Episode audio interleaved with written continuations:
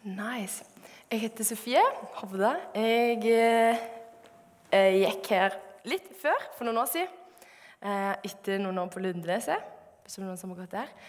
Og så eh, har jeg bodd fire år på Hawaii og vært en del av Ungdom i oppdrag der. Tok først en DTS, og så tok jeg noen bibelstudier. Eh, og så kom jeg hjem i pandemien pga. korona. Endte opp i Oslo, som jeg nå studerer innovasjon og ledelse på NLA. Og så jobber jeg i Ungdom oppdrag der, 60% og har en stilling der jeg leder alt det utadrettede arbeidet som vi har i Oslo.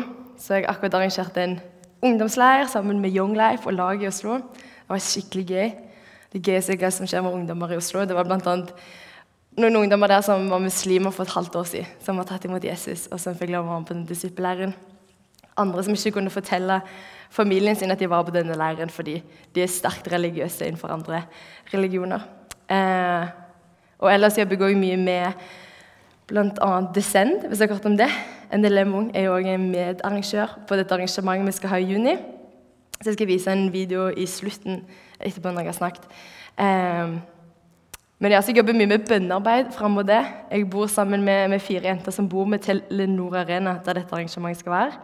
Så vi har morgenbønn hver dag. Det kommer det litt pensjonister og litt andre folk fra området. Så det er fire jentene som er i 20-åra eh, og bare ber for Norge. Ber for det som Gud gjør her.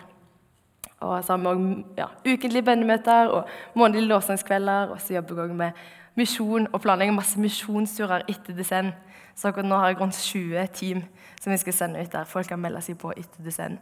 rundt omkring i verden med forskjellige typer arbeid. Så det er litt av det jeg driver med. Eh, ja. Ellers er jeg kristen. Det sier seg kanskje sjøl når jeg står her. Glad i Jesus. Elsker Bibelen. Eh, ja. Og i dag, Jeg forstår at dere har litt tema denne semesteret om i Guds nærvær, eller det å være eh, i Guds nærvær. Og Jeg har lyst til å snakke om eh, korset. Og hva som skjedde når Jesus hang på korset, at forhenget revna. Og liksom det mysteriet det faktisk er. Um, ja. Men lyst, i dag har jeg lyst til å ta dere med tre innom tre forskjellige hager. Jeg har ikke grønne fingre. Jeg kjøper meg planter i ny og ne, og de dør som oftest eh, etter en måned. Jeg vet ikke hva jeg gjør galt. Jeg tror Enten så vanner jeg de for mye, eller så vanner jeg de for lite. Um, så det er bare så mye greie, og det er helt greit. Han kan ikke være god på alt. Det er deilig å finne masse ting en er veldig dårlig på, og bare gi opp på det. Eh, sikkert andre med grønne fingre her inne som er gode på planter. Men jeg har lyst til å starte i Edens hage. Eh, og det som med Edens hage, det er at det, Adam og Eva de får faktisk lov å ha fellesskap med Gud. De får faktisk gå med Gud, får lov å se han, får lov å høre han. De får lov, Hver dag, så hver ettermiddag så kommer Gud og liksom er med Adam og Eva. Det er ganske sykt, egentlig. Um, de snakker med han, de lever tett på han, de får lov å se hans åsyn. De lever foran han. Um, og så er det noen ting han har, han har lagt, sagt at de skal legge jorda under seg, og de får lov å leve på en måte overgitt i hans vilje. Uh, og så er det én ting de ikke har lov å gjøre, og det er å spise av kunnskapens tre. Men de kan spise av alt annet. Um, og en ting som jeg synes er sykt, er at de for kan spise av livets tre. Gud har ikke lagt et forbud mot å spise mot livets tre, som er lite i evig liv. Og de spiser av all annen frukt. Og så ender de opp med å velge å spise av kunnskapens tre. Som det bare vise både den uviljen at de velger ok, jeg er ikke lenger overgitt til Guds vilje, jeg velger å leve for min egen vilje. Og idet de spiser dette treet, så får de kunnskap om godt og ondt. Og så ødelegger det, bryter forholdet med Gud. For han sier at okay, men jeg er nødt til å sende dere ut av denne hagen. Her dere har fått lov til å gå med Gud. Så er jeg nødt til å sende dere ut, for hvis et menneske spiser av livets tre, kommer de i tillegg til å få evig liv, og da kommer de av evig liv under forhold der de har kunnskap om godt og ondt. Da kommer de for evig være bundet under synd og ulydighet. Så det er egentlig Guds kjærlighet som driver de ut av hagen. Som driver de vekk. Og så får de ikke lov å leve sånn tett på lenger. Så de velger synd. Og så Adams egen sønn han ender opp å bli den første morderen i verden. Og synd avler synd, og så lever menneskene konstant under synd, under smerte, under nød. Men det som kanskje er trist, mest trist med dette, det er at de lever atskilt fra Gud. De har ingen adgang, de har ingen tilgang tilbake til Gud igjen. Ikke den nærheten som de først var skapt til. Der Gud puster liv inn i dem, så får de lov å gå med Gud. Og Så går det tusenvis av år, og så sier Gud at han har, han har, lyst, han har skapt oss til å ha et forhold med seg. Så ønsker han å bringe mennesket tilbake til seg. Så han eh, velger seg en mann, Abraham, som han skal bygge sitt folk på. Og Så kaller han sønnesønnen hans Jakob, eller som senere ble kalt Israel. Vi sender de som slaver i Egypt. Og så kommer Gud og adopterer dette folket ut av Egypt. Adopterer dem til å være sitt folk. Og da er de Guds eget folk. De kjenner ikke Gud. De vet ikke hvordan de skal tilbe, hvordan de skal nærme seg Gud. Og Så blir de tatt ut, og så er han nødt til å lære dem tilbedelse. Han er nødt til å lære dem, ok, hvordan kan dere forholde dere til denne guden. Så han igjen sier jeg er hellig, jeg er hellig, jeg er hellig. Jeg er annerledes, og dere kan ikke komme nær meg. Jeg er en annerledes Gud. Og de har ikke tilgang, de har ikke adgang fritt inn til Gud, sånn som Adam og Eva hadde. Men så gir han dem tabernaklet. De gir dem en måte å tilbe, de gir dem en plass å tilbe. Men allikevel får de ikke lov å komme helt tett inn på Gud. Og så gir han, eget, han gir sitt eget nærvær til dem, som leder dem, som de kan orientere seg ut ifra, navigere seg ut ifra som er På dagen så er det en skystøtte, og på natta er det en ildstøtte. Og Israelsfolket de vet at når Så den, den lander over arken, der bl.a. Moseloven ligger. Og de vet at når denne skystøtta eller ildstøtta reiser seg, da skal hele israelsfolket pakke opp basen eller campen, og så flytter de seg med denne støtten. Og når den velger å sette seg ned igjen, da vet du ikke, her slår vi camp. Om det er for to dager eller et halvt år, det vet de ikke. Men de, de, navigerer seg etter Guds nærvær. Og Moses sier hvis ikke du går med meg, så vil jeg ikke gå, Gud. Så de går, Israelsfolket går etter Guds nærvær, men det er ingen som kan nærme seg Guds nærvær. For det, Den hellige ånd den tar livet av dem som nærmer seg. Og så er det kun prestene eller vitnene som får lov å komme inn på en måte, inn i tempelet, eller inn i tabernaklet, som er forgjengeren til tempelet, og får lov å komme inn og være nærme seg Gud. Men allikevel har de ikke full tilgang, full tillatelse til å trø inn framfor hans åsyn. Så det er fortsatt ingen nærhet til Gud. De har blitt adoptert som et folk. Og Gud viser dem hvem han er. Han gir dem sinnssykt gode retningslinjer eh, for hvordan de skal leve. Han sier jeg, jeg vil ikke at dere skal eh, ofre ungene deres sånn som alle folkeslagene rundt gjør ofre barn inn i ilden fordi de skulle please gudene. Jeg har ikke lyst til at de skal komme til meg bare for å få det dere har lyst på. Jeg har lyst til å ha en relasjon. og Han snakker om, i hele Gamle testamentet om denne kjærlighetsrelasjonen. At han, han lengter etter menneskene som, han lengter etter, som en brudgom lengter etter sin brud. Eller som en far lengter etter sine barn. Men likevel så har de ingen tilgang. De har fått et tilbedelsessted, men de har ikke en tilgang til å bare komme Gud, til Gud når de vil, og hvordan de vil. Og Så kommer vi til en ny hage. Og Så er vi i Getsemane i Israel.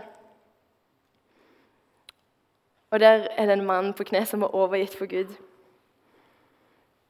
Som sier Det er Jesus som ligger der skjærtorsdag, så sier han ikke min vilje, men din skje. Ikke min vilje, men din skje, Gud. Og Der Adam hadde sagt ok, min vilje er å spise etter tre, som Gud har frarådet meg å gjøre, så har Jesus tatt på sin menneskes skikkelse, så ligger han der og sier Gud. Selv om han helst vil at denne kroppen skal gå han forbi, så er han ikke min vilje, men din vilje ikke. Og Der Adam han spiser av et levende tre, og det bringer død inn i verden, så velger Jesus å være lydig og blir hengt på et dødt tre, og så bringer det liv. Det er et vanvittig paradoks. I Lukas kapittel 23, vers 44 og 49, så står det Det var allerede omkring den sjette time. Da falt et mørke over hele landet helt til den niende time.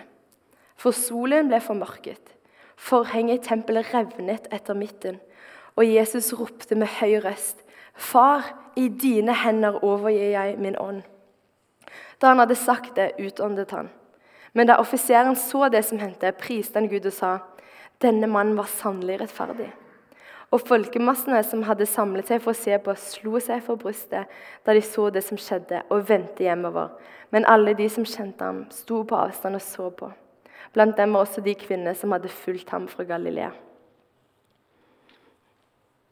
Så her henger Jesus, og så er det fire forskjellige vitneforklaringer i Bibelen om akkurat denne samme hendelsen, med litt forskjellige detaljer. Men her henger han eh, og roper ut, og så overgir han sin ånd.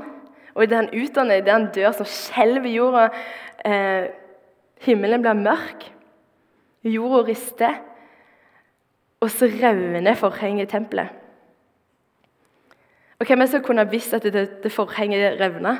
Det er kun en prest som var i tempelet under denne høytiden. Så det er en, en prest som har hatt vakt i tempelet denne påskehøytiden. Og så er han inni det helligste. Og så foran det aller helligste, der inne som arkene, der henger det jeg tror det er ti meter langt og sinnssykt tjukt teppe som skjuler fra det aller, det aller innerste.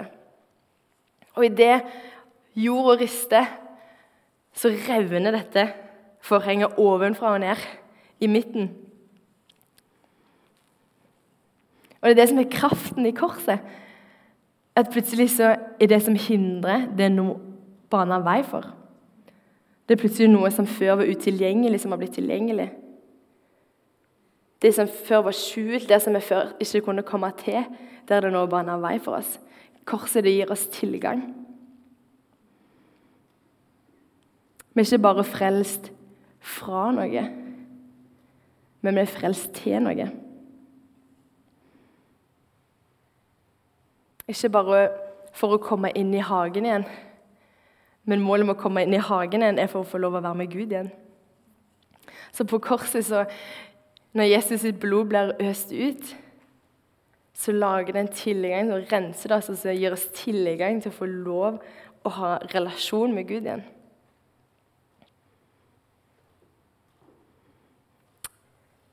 I Efeserne 2 vers 13-22, så står det Her snakker Paulus om egentlig om hedninger og jøder. Hvordan vi alle har fått tilgang til Jesus. Men nå i Kristus Jesus er dere som var langt borte, kommet nær på grunn av Kristi blod. For han er vår fred, han som gjorde de to til ett og rev ned den muren som skilte, fiendskapet. Ved sin kropp har han opphevet loven med dens bud og forskrifter. Slik stiftet han fred da han av de to skapte ett nytt menneske i seg. I én kropp forsonte han dem begge med Gud da han døde på korset, og slik drepte fiendskapet. Han kom og forkynte det gode budskapet om fred, både for dere som var langt borte, og for dem som var nær. Gjennom ham har både vi og dere adgang til Far i én ånd. Derfor er det ikke lenger fremmede utlendinger. Nei, dere er de helliges medborgere og Guds familie. Dere er bygd opp på apostlenes og profetenes grunnvoll med Kristus Jesus selv som hjørnesteinen. Han holder hele bygningen sammen, så den vokser til et hellig tempel i Herren. Og i ham blir også dere bygd opp til én bolig for Gud i ånden. Så sier Paulus at det, gjennom ham så har både jøder og grekere, altså både jøder og hedninger, fått adgang til Far i én ånd. Der vi før ikke hadde adgang, har vi nå fått adgang, eller tilgang. Og vet du, Et litt tynt eksempel, men hvis du for trener på et treningssenter og plutselig får beskjed om sånn, hei, du, denne neste måneden så får du gratis adgang eller gratis tilgang til spa-avdelingen vår. Eller noen sier du, jeg har et ekstra eh, gullkort med SAS. Du får tilgang på SAS-loungen på flyplassen så tar han jo nytte av det. bare, Oi, shit, dritkult. Jeg stikker to timer før på flyplassen bare for å sitte der og føle meg litt kongelig og drikke kaffe. Gratis. En benytter seg av det en plutselig har fått tilgang til. Og det som skjer når Jesus henger på et korset og forhenget revner, så har plutselig Guds nærvær blitt tilgjengelig Ikke bare for øverstepresten, som fikk lov å gå inn der én gang i året, men det ble tilgjengelig for alle som kommer inn under Jesus' blod. Altså At Gud adopterte folket sitt, brakte det ut av Egypt, og så ga de, dem, han først tabernakelet, som bare ble forgjengeren til tempelet. Og så bygger Salomo, lenge etter israelsfolket kommet inn i Egypt, så bygger han tempelet.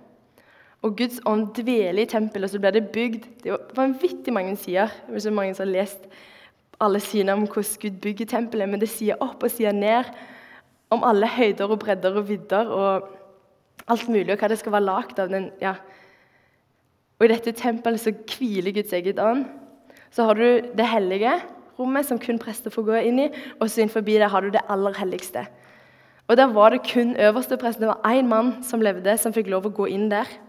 Og det var øverstepresten én gang i året, på Jom Kippur, eller forsoningsdagen.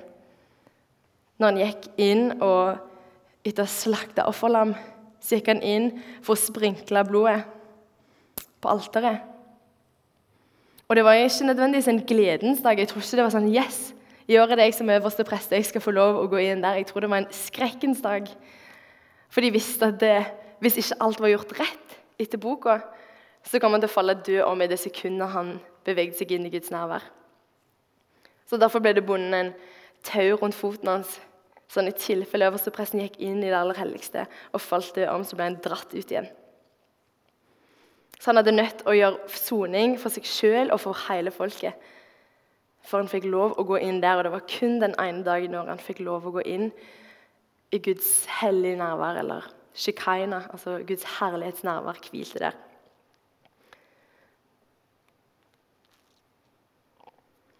Og så er det På et eller annet tidspunkt så har egentlig Den hellige ånd forlatt tempelet.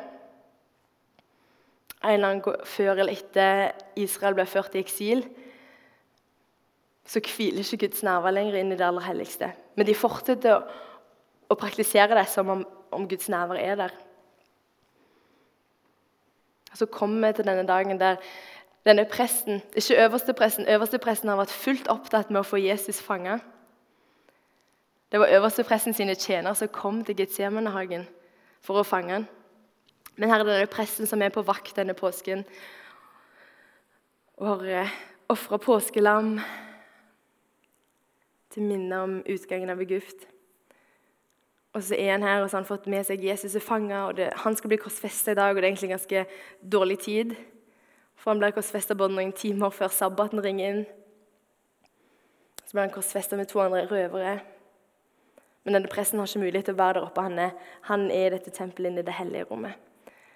Og så, like, så det er han som blir vitne på at det, i det sekundet jorda skjelver, så revner forhenget ovenfra og ned.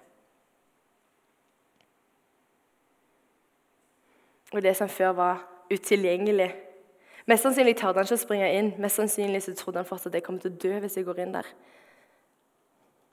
Men det som før var utilgjengelig, det er nå blitt tilgjengelig.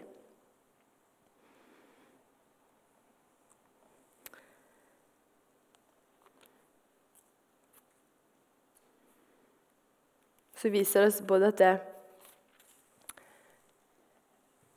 det har blitt lagt en vei inn i Guds nære igjen, at vi kan få lov å komme inn og ha fellesskap tett, tett med Gud.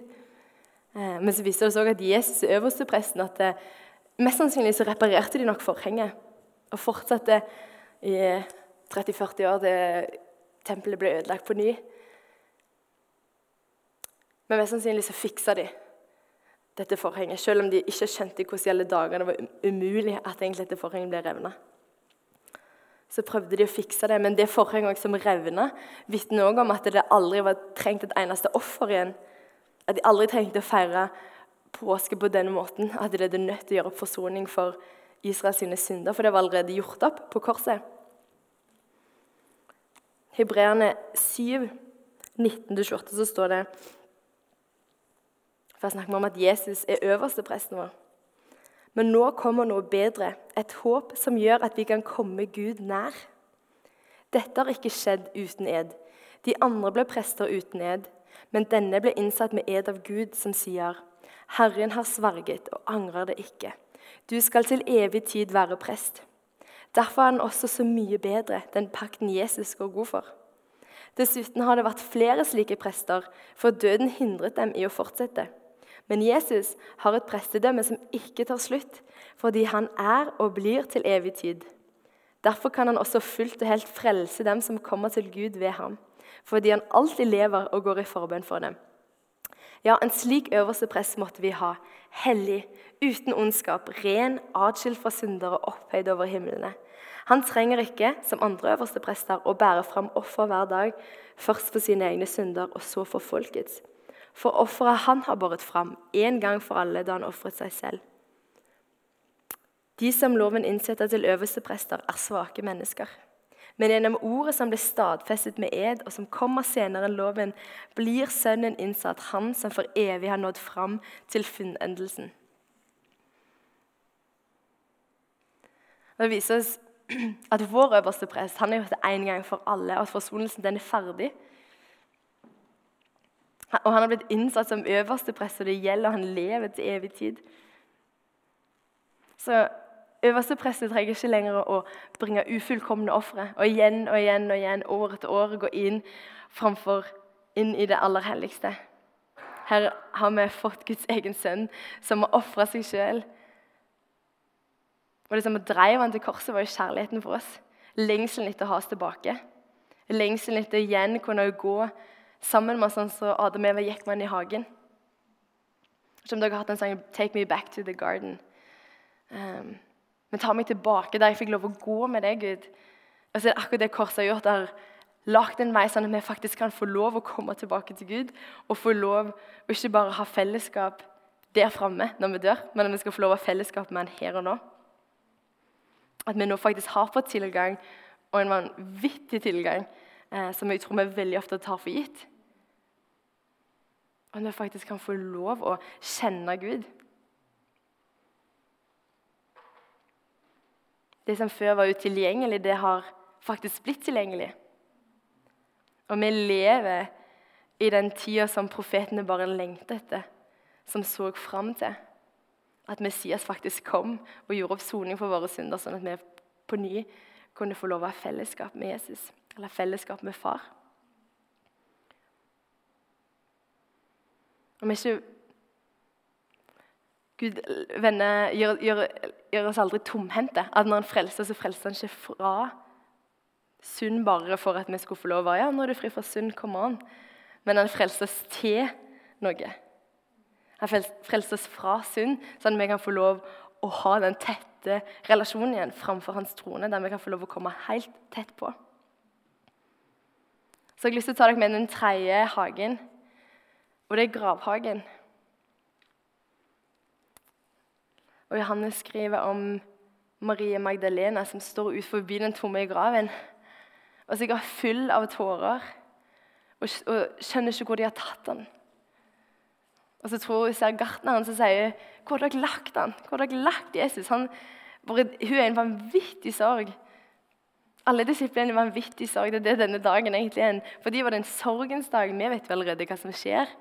Men fordi det var en sorgens dag der de trodde det var Israels håp, konge, som skulle komme, så ble han tatt livet av. Og selv om han har profetert og sagt at jeg tredje dagen, på tre dager skal jeg bygge opp tempelet igjen, og snakke om seg sjøl, så er de fulle av sorg, for de har mista han som de trodde var håpet.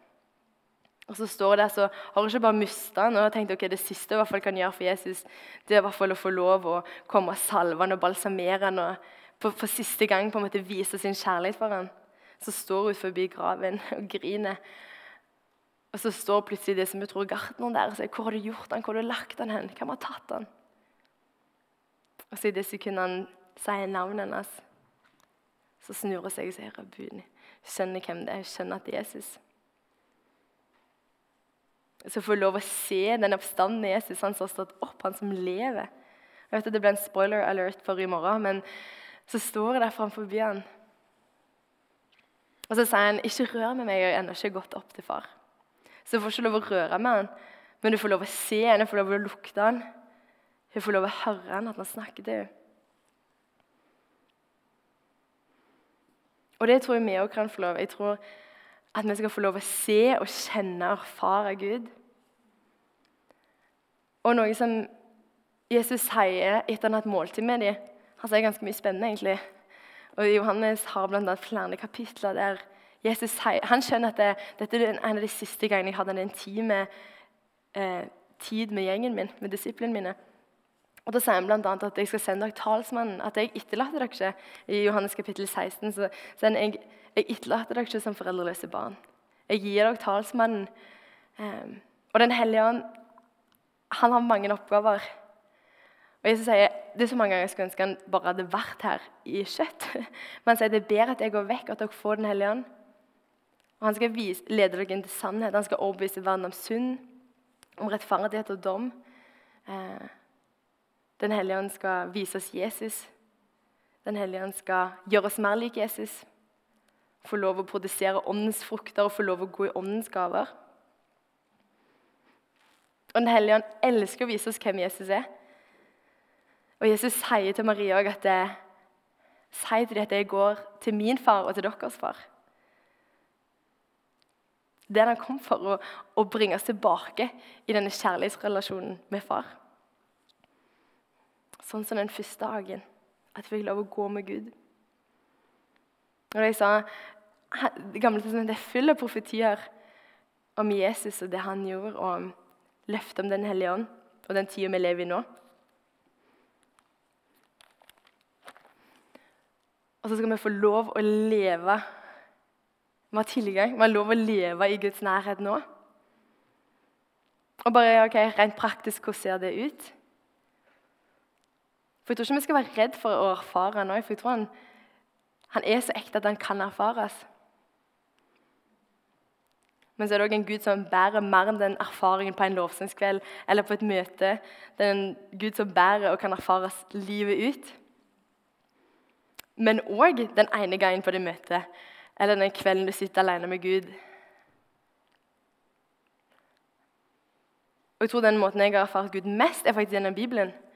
Det var sånn jeg fant Gud. For at jeg var på randen av å slutte å være kristen.